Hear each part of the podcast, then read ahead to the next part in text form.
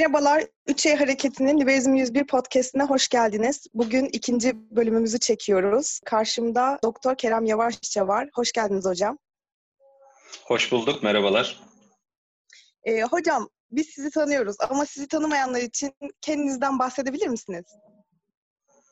Tabii, kendimden e, kısaca söz etmeye çalışayım.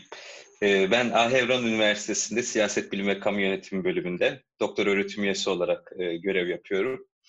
E, bir 6 yıl kadar Hacettepe Üniversitesi'nde çalıştım. Yüksek lisans ve doktora e, çalışmalarımı orada sürdürdüm. 2018'de doktora tezimi e, başarıyla savunduktan sonra tekrar kendi üniversiteme e, dönüp görev yapmaya başladım bölümümüzde. Ve genel itibariyle Türk siyasal hayatı, siyasi düşünceler tarihi, siyasi akımlar, yine liberal teori e, genel ilgi e, alanında asker sivil ilişkileri, darbeler, e, doktora tezimle de bağlantılı olmak üzere genel olarak bu e, konular üzerinde e, fikir yürütmeye çalışıyorum.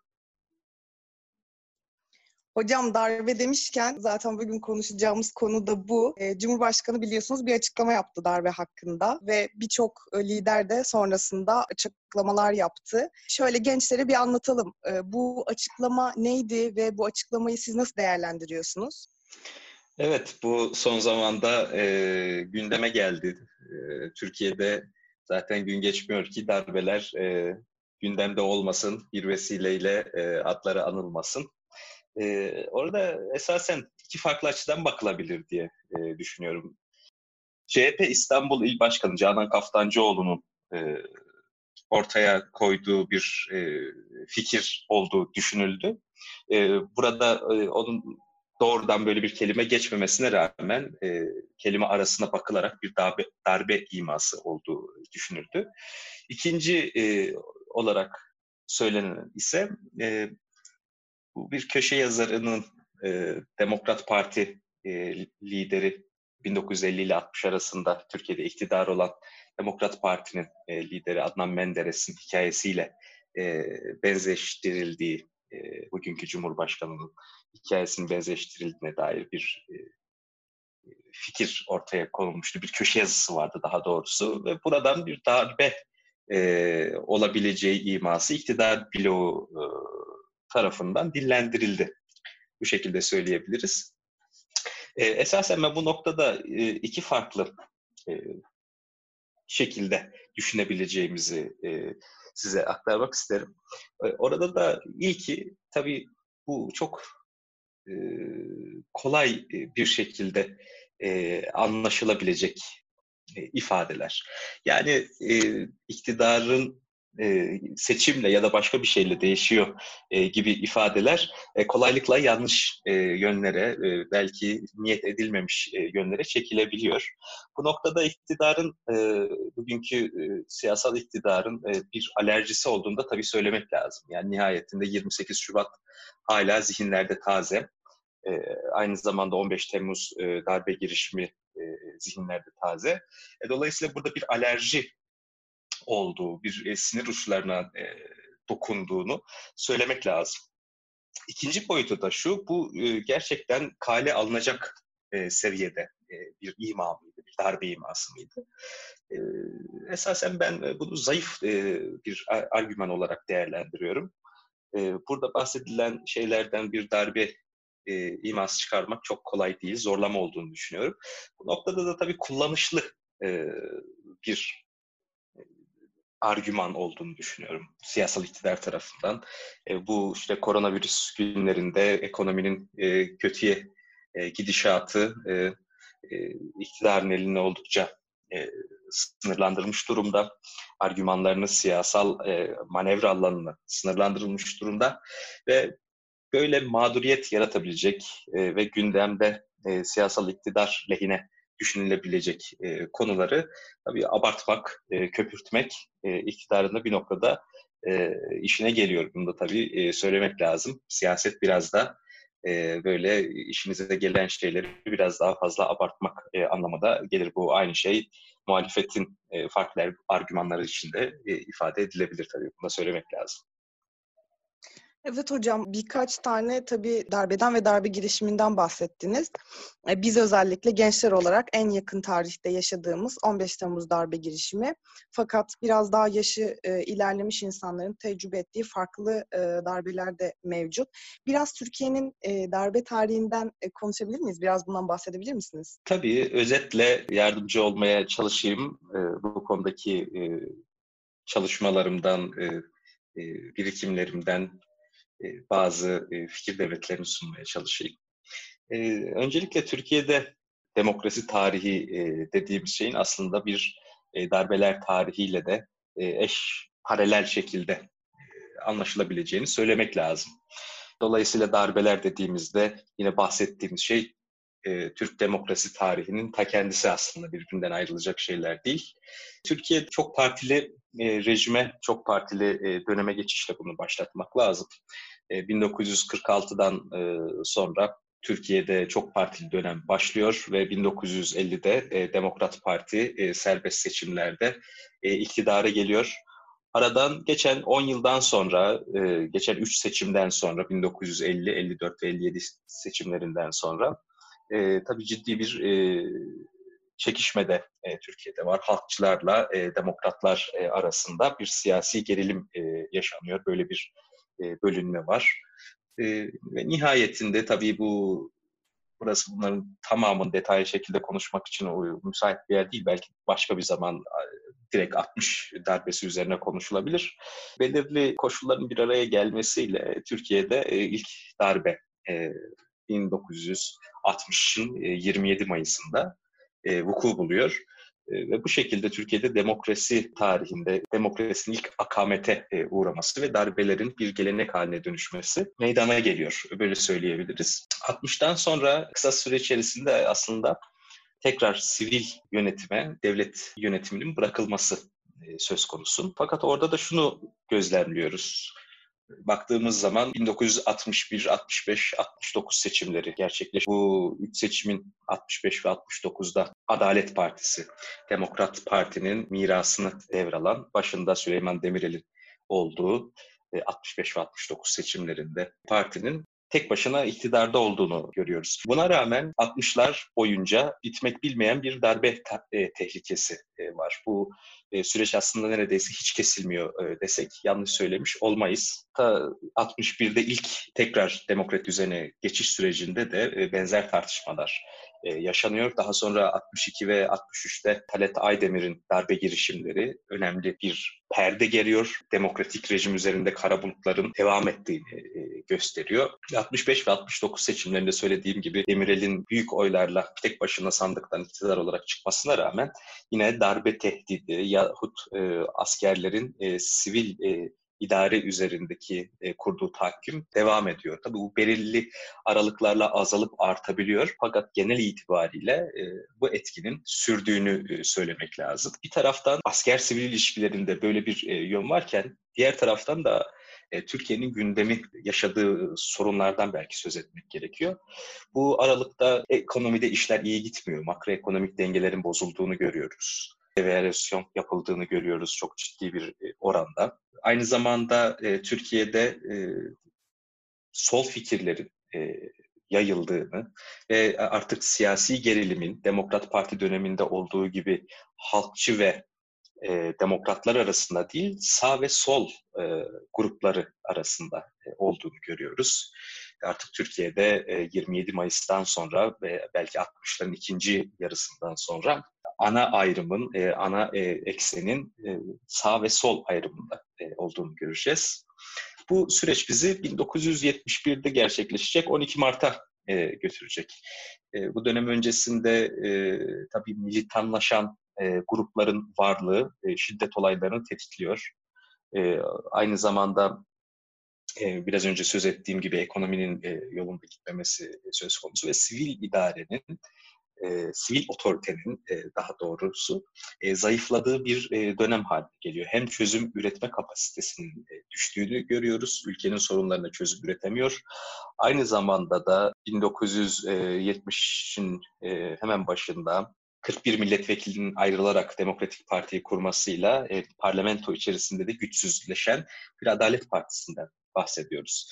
Bu şartların bir araya gelmesiyle e, belki bu noktada bir e, parantez açmak gerekiyor. Yani darbeler anlık olaylar olarak değerlendirirler. Yani önceden e, e, bilinmeyen, ani şekilde ortaya çıkan olaylar olarak görülmesine rağmen bunun bir sürece tekabül ettiğini de belirtmek lazım.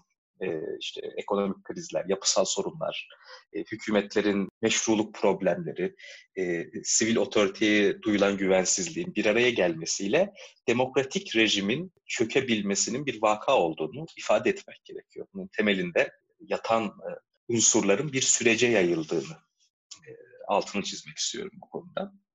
1971'in 12 e, Mart'ında dediğim gibi bir muhtıra veriliyor hükümete. Muhtıra e, nedir? Kelime itibariyle muhtir sözcüğünden Arapça e, gelir ve uyarı, ikaz e, anlamına geliyor.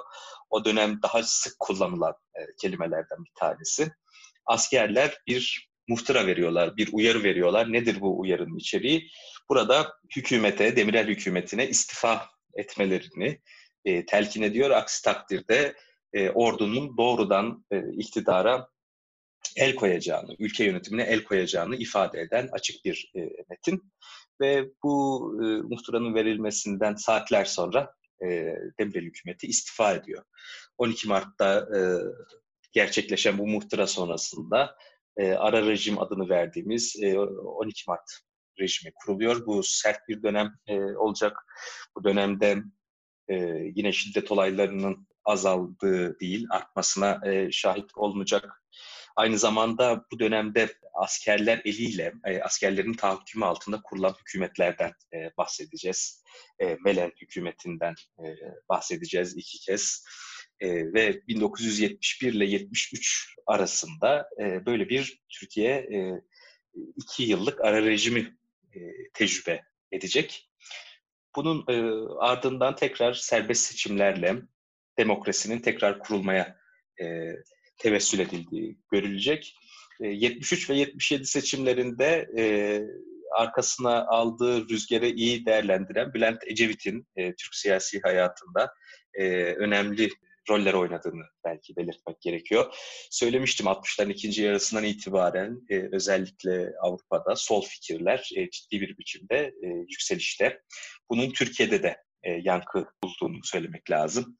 E, Türkiye'de de ciddi bir şekilde öğrenciler e, üzerinde ve işçiler üzerinde sol fikirlerin yaygınlaştığını görüyoruz. E, 70'ler boyunca yine bu bahsettiğim e, gerilim e, sağ-sol e, arasında e, bu eksende bir yarılma tabii gerçekleşiyor Türkiye'de. Ve bu süreç bizi 1980 darbesine getirecek. Bundan önceki bahsettiğimiz iki darbeden daha uzun süreli e, olan bir darbe. Uzun süreden kastım şu, askerlerin yönetime el koymasının ardından e, ülke e, yönetimini 3 sene e, kadar e, ellerinde tutmaları. Bu mesele 60'ta e, bir yıl kadar sürüp e, serbest seçimlere gidilmişti. 12 Mart'ta zaten doğrudan e, ele alınmadı. Sadece bazı teknokrat e, idarecilere bu görev verilerek de, demokrasinin şeklen devam ettirildi algısı e, üzerine bina edildi süreç. E, 80'de ise e, en kapsamlı müdahale Türkiye'de gerçekleşti 12 Eylül'de. 12 Eylül 1980'de tüm partilerin feshedildiği, işte meclisin kapatıldığı bir e, dönemden bahsedeceğiz ve askeri yönetimin 3 sene e, kadar ülkeyi e, yönettiği bu süreçte yeni bir e, anayasayla Türkiye'de tüm rejimi yeniden kurguladığı bir siyasal süreçten bahsediyoruz. Hocam lafınızı balla kesiyorum. Tabii bu arada şey var değil mi? Şöyle bir şarkı da var Fikret e, Kızılok'un. Süleyman hep başbakan, başbakan Süleyman. Bu sanıyorum anlattığınız son darbelerin hepsinde hatta Süleyman Demirel'in de bir lafı var. Sekiz kere bildiğim kadarıyla başbakanlık koltuğuna oturuyor. E, e, evet, evet. Demirel'in e, bu konudaki makus tali e, şarkılara bile e, konu oldu. 12 Eylül'de de e, Demirel başbakandı. 12 Mart'ta da e, başbakandı. E, daha sonraki süreçte 28 e, Şubat'ta gerçi kendisi Cumhurbaşkanıydı, iktidardan e, ayrılmadı. Fakat asker sivil ilişkilerinde Türkiye'de sivil tarafında Demirel'in ciddi bir rol oynadığını söylemek gerekiyor. şapkamı alırım, e, giderim e, sözcüğüyle e, anılır. Demirel'in bu gidiş gelişleri Türk siyasal hayatında bazen böyle e, yüzleri gülümsetecek bazı anılarla, bazen tabii e, bu işin şakası bir tarafa e, darbe e, geleneğinden en çok zarar görmüş e, kişilerden birisi e, rahmetli Süleyman Demirel. Evet burada e, geldiğimiz noktada 80 darbesinin ardından kurulan e, rejimden e, bahsetmiştik. 1983'te e, Anavatan Partisi e, askeri idare tarafından e, seçime girilmesine müsaade edilen üç partiden bir tanesi. Dört farklı eğilimi birleştirdiğini e, iddia eden bir parti olarak e, tek parti e, iktidarıyla çıkabiliyor e, 83 seçimlerinden. Keza 87 seçimlerinde de aynı başarısını e, devam ettiriyor. E, askeri e, tahakkümün bu dönemde nispeten e, düştüğünü ve sivil e, otoritenin e, güçlendiğini söylemek mümkün.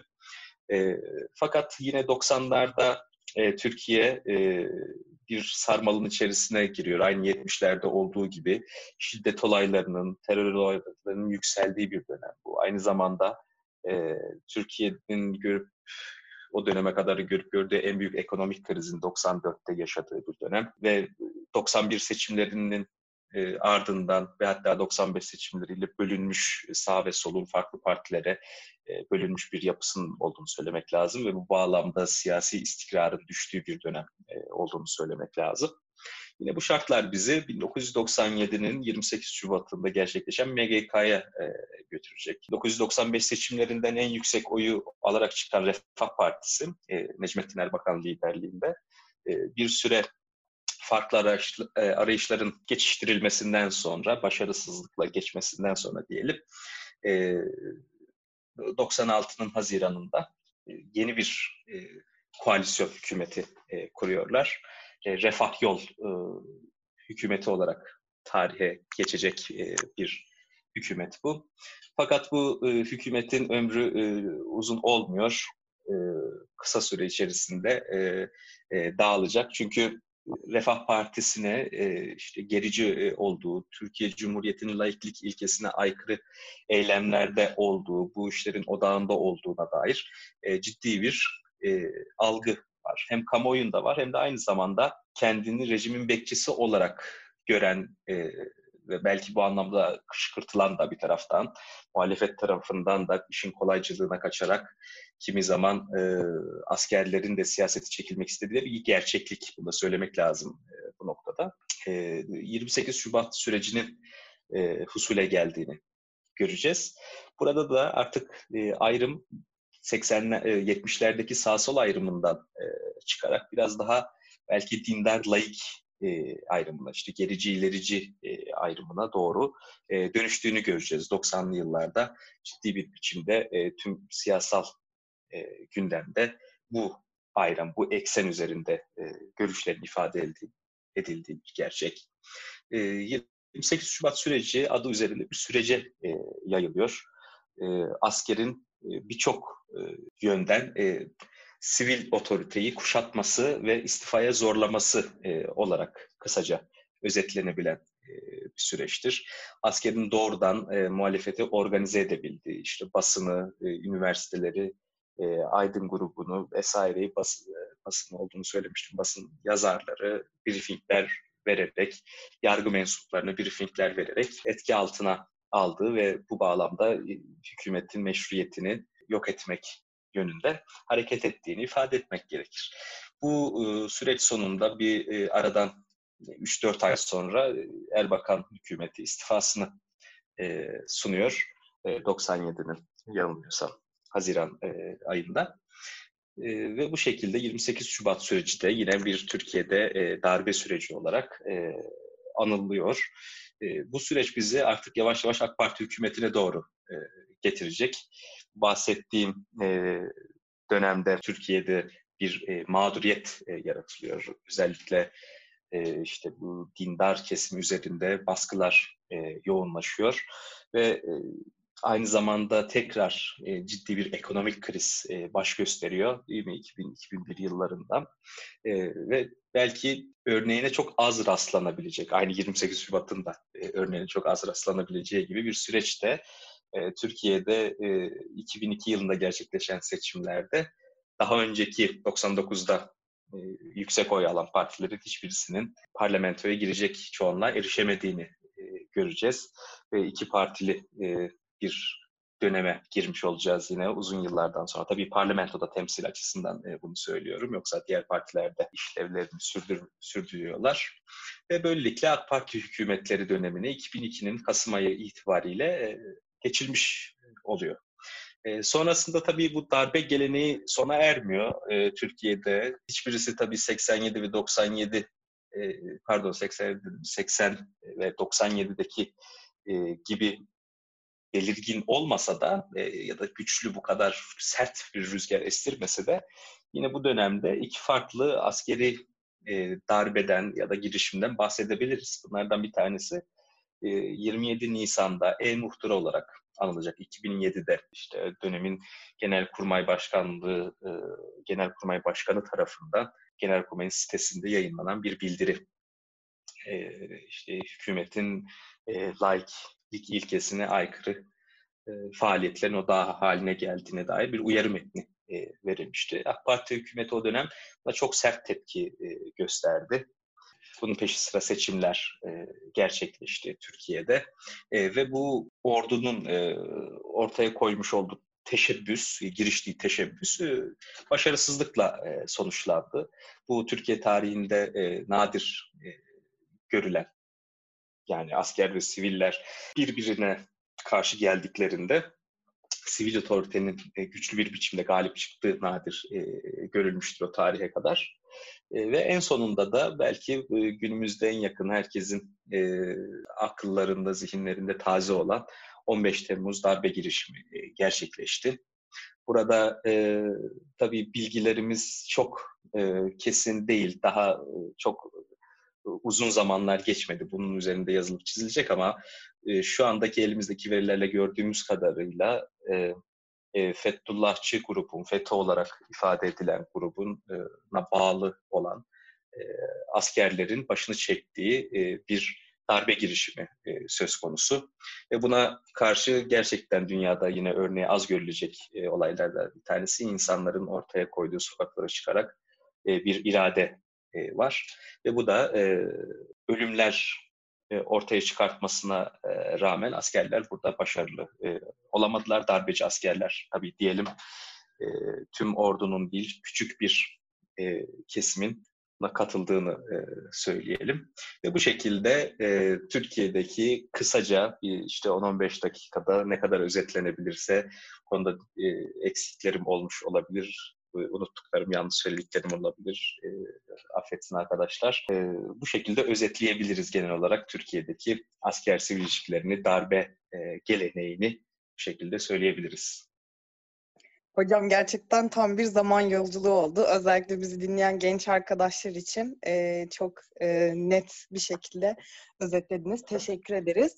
Ben e, son sorumuza geçmek istiyorum ki bizim için aslında çok önemli bir e, soru bu. E, liberallerin darbeye bakış açıları ve darbeye karşı verdiği reaksiyonları genel olarak bir değerlendiremiyoruz sanırım. E, genel olarak çok bilemiyoruz. Bizim için çok siyasi gündemin içinde kaldığı için son yaşadığımız 15 Temmuz darbe girişimi. Bir soru şudur. Liberal bir demokraside e, darbeye bakış nasıl olur hocam? Evet, bu konuda e, bazı yorumlar geliştirebiliriz. E, öncelikle tabii e, burada demokrasinin e, niteliğinden ve nasıl bir e, rejim olduğundan bahsetmek lazım. Bizim bugün baktığımız zaman dünyada e, demokrasi diye adlandırılan rejimlerin esasen liberal demokrasi olduğunu söylemek lazım. Altını çizmek lazım.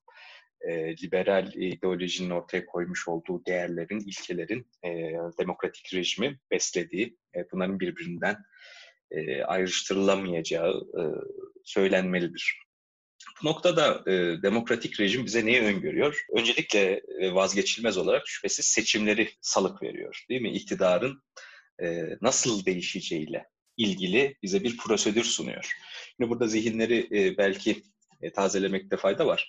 E, iktidar savaşları, iktidar değişimleri insanoğlu var olduğundan beri, işte devletler var olduğundan beri e, en sorunlu alanlardır.